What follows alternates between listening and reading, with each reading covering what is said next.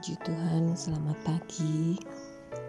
Sangat bersyukur kepada Tuhan untuk hari ini masih diberi kesempatan untuk memberikan renungan. Puji Tuhan, kita masih di dalam renungan pekerjaan penghibur. Jadi peranan Roh Kudus dalam kehidupan kita. Di dalam Yohanes 16 ayat-ayat yang terakhir dari perikop pekerjaan penghibur. Yohanes 16 ayat 14 dan 15. Ia akan memuliakan aku sebab ia akan memberitakan kepadamu apa yang diterimanya daripadaku. Segala sesuatu yang Bapa punya adalah aku punya. Sebab itu aku berkata, ia akan memberitakan kepadamu apa yang diterimanya daripadaku. Ia di sini adalah roh kebenaran, roh penghibur, yaitu roh kudus. Kita bersyukur dari sini kita diajar oleh Yesus bahwa roh kudus akan memuliakan dia. Jadi yang ditinggikan, yang dipuji, dimuliakan itu adalah Yesus.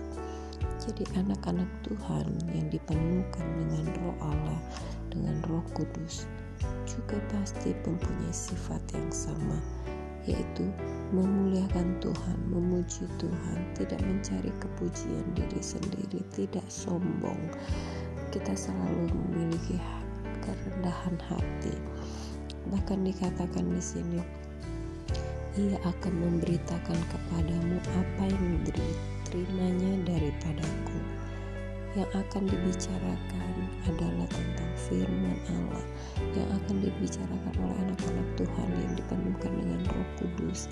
Anak-anak Tuhan yang dipimpin oleh Roh Kudus akan selalu memberitakan kebenaran, akan membawa berita sukacita.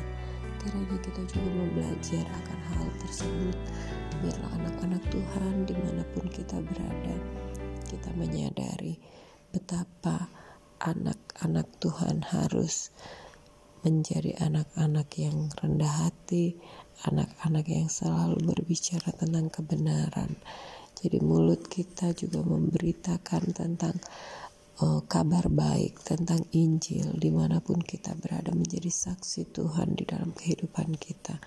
Puji Tuhan, firman Tuhan biarlah selalu menjadi rambu-rambu bagi kita untuk juga membentuk karakter kita sebagai anak-anak Tuhan, sebagai orang-orang percaya yang menjadi terang dunia.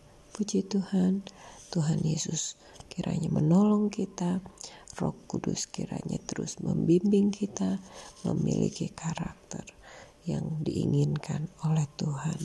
Puji Tuhan, Tuhan Yesus memberkati.